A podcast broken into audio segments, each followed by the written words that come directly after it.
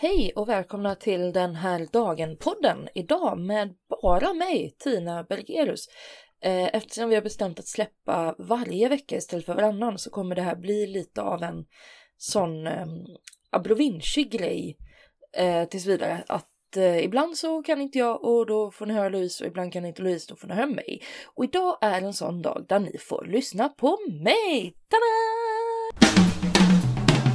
Vad hände denna dagen? Föds drottning Margaret? Blir Pluto från tagen sin planetidentitet?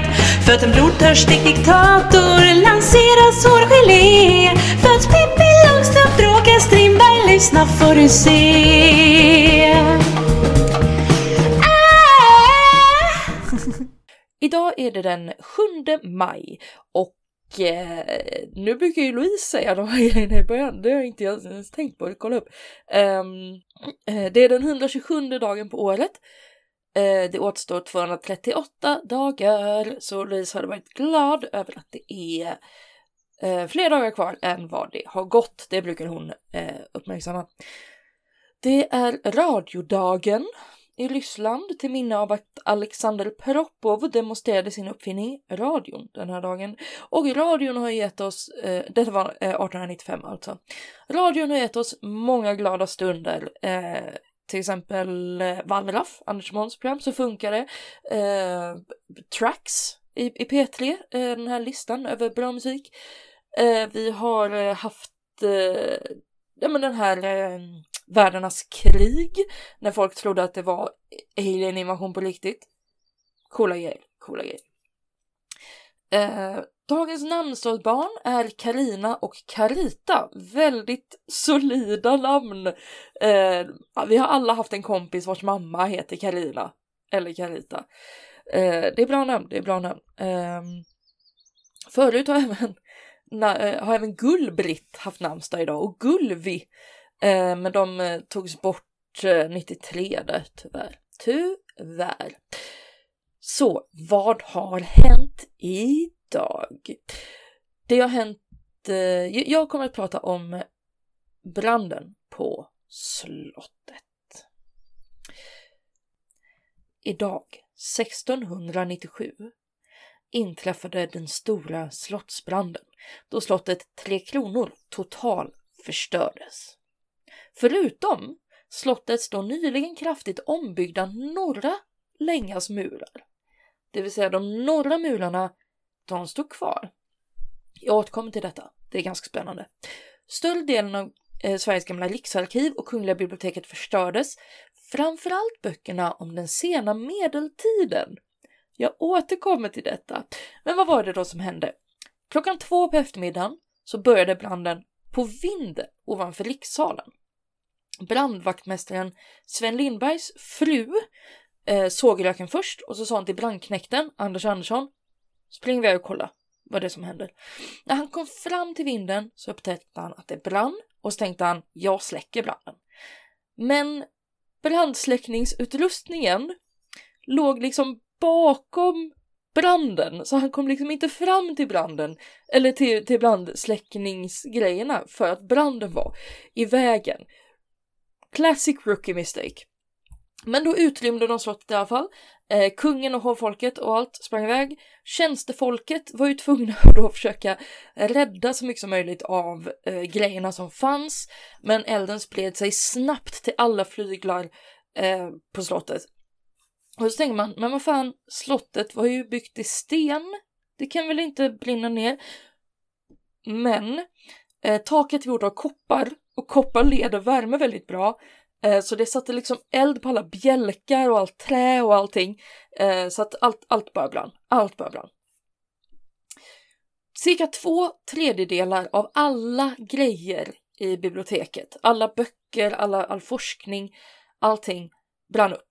Så det är väldigt svårt att veta något om senmedeltiden nu för tiden, för många medeltida brev brann upp och eh, även de brev som hade skickats till Sverige från generaler under 30-åriga kriget, allt brann upp.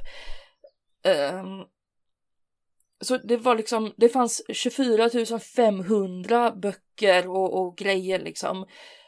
Uh, och bara 6000 böcker och 300 manuskript räddades av 24 500. Så att under en tid alltså på Riksarkivet så fanns det inte ens någon medeltidsavdelning utan det har vi fått försöka bygga på efteråt. Vems fel var det? Vad hände? Vad var det på Jo, så här var det. Man har aldrig kunnat fastslå orsaken till att det började brinna. Man har tänkt att skorstenarna var otäta och sådär. Um, men det finns en man som heter Nicodemus Tessin den yngre och han hade designat den här norra längan av slottet, den som inte brann upp, bear with me. Och han skulle liksom bygga om hela slottet till att se ut så här som den norra, eh, norra längan. Men det gick inte för att den gamla borganläggningens, eh, liksom det som fanns där, var liksom gyttrigt och, och lite så, det, det, var, det var svårt att riva den liksom och bygga om nytt. Så när det började brinna, då försvann ju allting och han kunde fortsätta bygga så som han ville.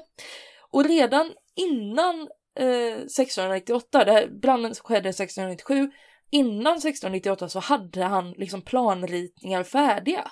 Så vissa trodde nog att vänta nu, Tessin, den här branden var ju väldigt bra för dig. Plus att Tessin och hans byggmästare Hans Buchegger var på rikssalsvinden under branden och de försökte liksom hindra elden att sprida, sprida sig till den nybyggda delen. Ja, men de ville väl att resten skulle... Ja, jag, jag, jag säger inget så har jag inget sagt. Men det är mycket, mycket rimligt att det var så. Något som däremot räddades från lagerna var Karl XIs kropp som låg där. Eh, och den var ju viktig då för att eh, han kanske inte ville bli kremerad. Han hade skrivit det i sitt sånt brev eh, till, till sin efterlevande att säga jag vill inte bli kremerad. Jag vill absolut inte bli kremerad. När det börjar brinna, vad räddar vi först? Karl XIs kropp. Ut med den bara, så. Det var ju viktigt, den här medeltidsdelen av biblioteket. Skit i den, vi ska ut Karl XI. Kom, kom Karl, kom Karl, sa de. Eller det sa de inte, han var ju död. Men när något sånt här händer så måste vi skylla på någon. Och Nikodemus, ja, han klarar sig faktiskt undan. För de ansvariga för eh, brandvakten den här dagen var två knektar som heter Anders Andersson och Mattias Hansson. Eh, jag blev lite förvånad att Mattias är liksom ett namn som man hette på 1600-talet. Det känns så eh, bandy, bandytränare liksom. Men i alla fall. Och Sven Lindberg då, brandmästaren vars fru då såg lågorna först, eller röken först.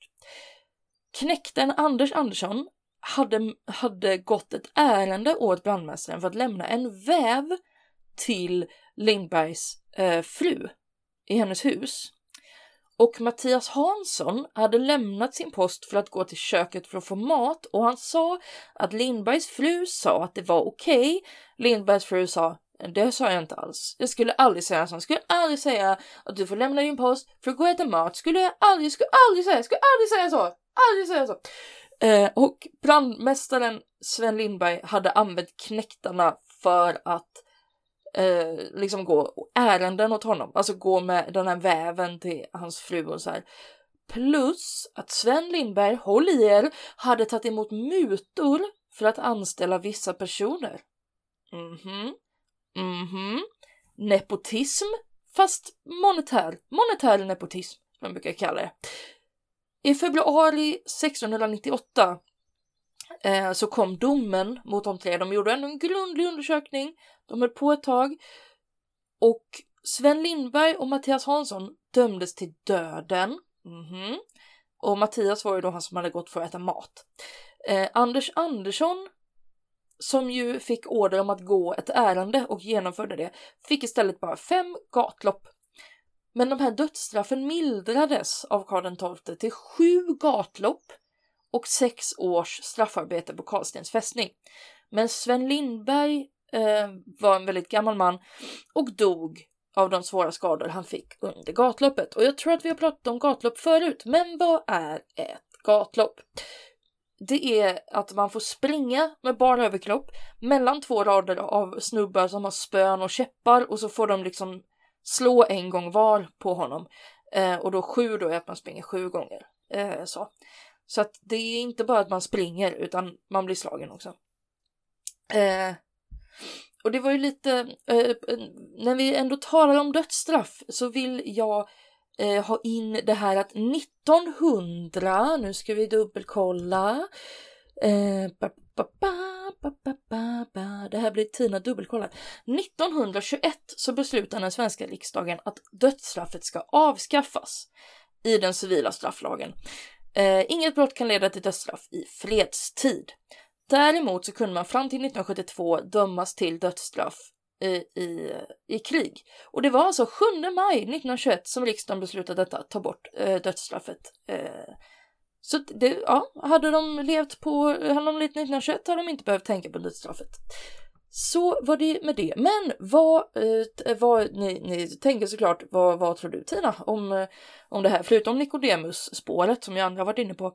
Jo, om det är någonting jag har lärt mig av att titta på eh, liksom sån brittiska krimserier så är det ju att folk gör vad som helst för att dölja eh, otrohet, incest, arvdela, vem som ska ärva saker och homosexualitet. Eh, de gör allt för att dölja det. Så jag tänker att det var någon som hade varit inne och läst i de här senmedeltida eh, böckerna och manuskripten och sett att Oh my god, jag är inte den jag trodde att jag var, utan jag är liksom eh, son, son, son, son, son, dotter, son till eh, en person som eh, strulade med en annan person och de fick ett, ett, ett bastardbarn som ju då i flera led sen blev till mig. Och, eh, och, och de här, de, det, var, det, var, det, det var hans bror, hennes bror det var, de, de, det var två syskon som fick barn med varandra och båda var gifta med någon, med någon annan och fick barn med varandra och, och den ena var eh, eh, kraftigt homosexuell säkert. Eh, så. Och då tänkte de, åh nej, ingen får veta detta, ingen får veta detta, de kommer säkert, de är lika intresserade som jag av det här så de kommer eh, läsa det här och, och, förstå att jag inte är jag och oh my god, oh my god, vad ska jag göra, vad ska jag göra, vad ska jag göra, vad ska jag göra? Jag förstör alltihop. Alla de här papperna som bevisar att jag inte är jag. Jag förstör dem! Jag förstör dem, jag tar bort dem! Bort med Men hur ska jag göra det utan att någon liksom kommer på det och, och gör kopplingen till mig? Och vad ska jag göra? Vad ska jag... Eld! Eld sa papper! Nu, nu jävlar! Och så satte de igång en brand så hela skiten brann ner och de tyckte att det var fan i mig värt det. Så tänker jag att det var. Um, vi går vidare till något som är född idag och nu blir det True Crime. För föddes idag 1967 gjorde Martin Bryant. Han föddes i eh, Australien. Nu ska jag ta fram dokumentet om honom. Han föddes alltså 1967, 7 maj i Australien. Eh, var? Jo, Port Arthur i Tasmanien, på Tasmanien i Australien. Tasmanien där de har de här jävlarna som har fått cancer eh, för att de har eh, incestat för mycket så de har börjat få så, cancer i, i ansiktet. Det eh, finns en jättespännande dokumentär om det, kan ni kolla upp. Eh, Martin Bryant var eh, son till Maurice och Carlene Bryant och eh, han eh, var lite knasig som barn. Eh, hans eh, mamma var väldigt så, mm, han var lite konstig, lite udda, han gjorde sönder sina leksaker hela tiden. Och i skolan så var han väldigt så, eh, han, han blev mobbad, men han mobbade också andra. Och eh, sådär allt var, allt var dåligt och en, en gång när han var och snorklade med en kamrat så drog han liksom ut snorken ur munnen på honom så han nästan drunknade och sådär. Det var väldigt, väldigt eh, jobbig unge. Och nu ska vi se, nu ska jag byta dokument igen. Jo, han, eh, det var ett par som hette Port Martin som köpte ett bed and breakfast i Port Arthur, Tasmanien, eh, som Martin Bryants pappa ville köpa. Men inte, så fick han inte det då. Eh, och då eh, han blev deprimerad, kanske på grund av detta eller kanske inte. Martin Bryant tänkte dock att så här, ni har gjort min pappa deprimerad. Pappan dog senare av liksom till följd av sin depression. Och han tänkte jag ska fucking hämnas. Så han åkte och dödade paret Martin. Det, det, är lite krångligt att de heter Martin och han heter också Martin, men de, de hette Martin i efternamn, han hette det i förnamn. Så han eh, gick dit, sköt dem, fortsatte sen skjuta lite folk på bed and breakfastet, åkte ut i sin bil, fortsatte skjuta folk höger och vänster, höger och vänster, skjuta, skjuta, skjuta, skjuta. Han sköt alla han såg, alla han kom över. Eh, det var riktigt jävla sjukt. Han dödade sammanlagt eh, 30, han mördade sammanlagt 35 personer, skadade 23 och ja, det var bara helt... Och detta hände alltså 1996. Så han var, vad blir han då, 67, 60, 70, 80, 90, 29. 29 var han när detta hände. Han blev såklart straffad för detta. Och vad kan man då få för straff? Fick han, fick han springa gatlopp? Var det, eh, vad det sånt eh, slå med pinnar? Nej, han fick 35 livstidsdomar plus 1035 år. Eh, utan någon chans till eh, frigivning tidigare liksom. Eh, så han, han ska sitta tills han dör. Eh, liksom, det, det är tusen år, minst 35, 35 eh, livstider och tusen år ska han sitta. Så det var Martin Bryant, född idag 1967 jag tycker inte vi säger grattis va, utan vi, vi bara, vi bara, det, hade, det, det hände, nu går vi vidare. Usch. Uh, fuck Martin Bryant säger jag. jag. Jag sticker ut hakan här, jag säger fuck Martin Bryant. Uh, han kan gå och lägga sig, han är sämst. Däremot, idag så dog en fantastisk människa vid namn Margareta Krok en eh, eh, skådespelerska som eh, vann Guldbaggen till exempel för sin roll i Släpp fångarna loss det är vår. Och nu hade det varit skönt att ha med Louise här för jag vet att hon tycker om eh, Släpp fångarna loss, eller det är en sån Hasse och Tage-film och det är lite hennes grej. Men eh, Margareta Krok, en av de häftigaste sakerna eh, som hände efter hennes död är att de alltså byggt en staty av henne utanför Dramaten och den är uppvärmd hela tiden så den är liksom lite varm. Och den byggdes på det stället där hon brukade stå och röka innan föreställningen. Så. Det tycker jag är coolt. Alltså. Det, det är ungefär som att man skulle bygga statyer av alla de tuffa tjejerna i rökrutan på högstadiet. Eh, rökruta som också är en sån här grej som jag har aldrig varit med om att jag har sett en rökruta. Det var ju liksom, min morsa pratade om rökrutor och man pratar om det liksom så här, i, i populärkulturen. Men rökrutor måste ju avskaffats för länge sedan när jag gick i skolan. Jag är född 90 liksom. Det var inga, var inga rökrutor. Vi hade bollplank och, och king, kingrutor hade vi i och för sig. Där skulle man inte röka, där skulle de spela king. Ni vet man har en boll och så ska man det finns lite olika regler. När man var liten körde man ju med greppning och, och basketboll och så slog man i varandras, eller man studsade i varandras rutor och studsade i din ruta och sen utanför Eh, så åkte du ut och så fick du ställa i kö och så höll man på så om och om, om igen. Eh, vart var jag? Jo, där hon stod. Margareta Krok var det ju. Eh, och så eh, funderade jag, tänkte jag skulle bolla det här med Louise, men hon är ju inte med nu. Eh, men så här, vart skulle, vart skulle din staty stå? Jag tänker att min staty, som skulle vara uppvärmd, den skulle stå på Andra Långgatan utanför The Abyss som ligger mittemot eh, strippklubben bredvid gymmet. Eh, där skulle den stå och så precis mellan där trottoaren möter vägen, där med ena foten på trottoaren och andra foten på vägen. Där skulle min staty stå för oj vad många sommarkvällar jag har stått där. På Abyss eh, är ju nämligen andra lång comedy som eh, varje måndag bjuder på eh, stand-up i och har gjort det varenda jäkla måndag med några undantag när det varit på julafton och nyårsafton.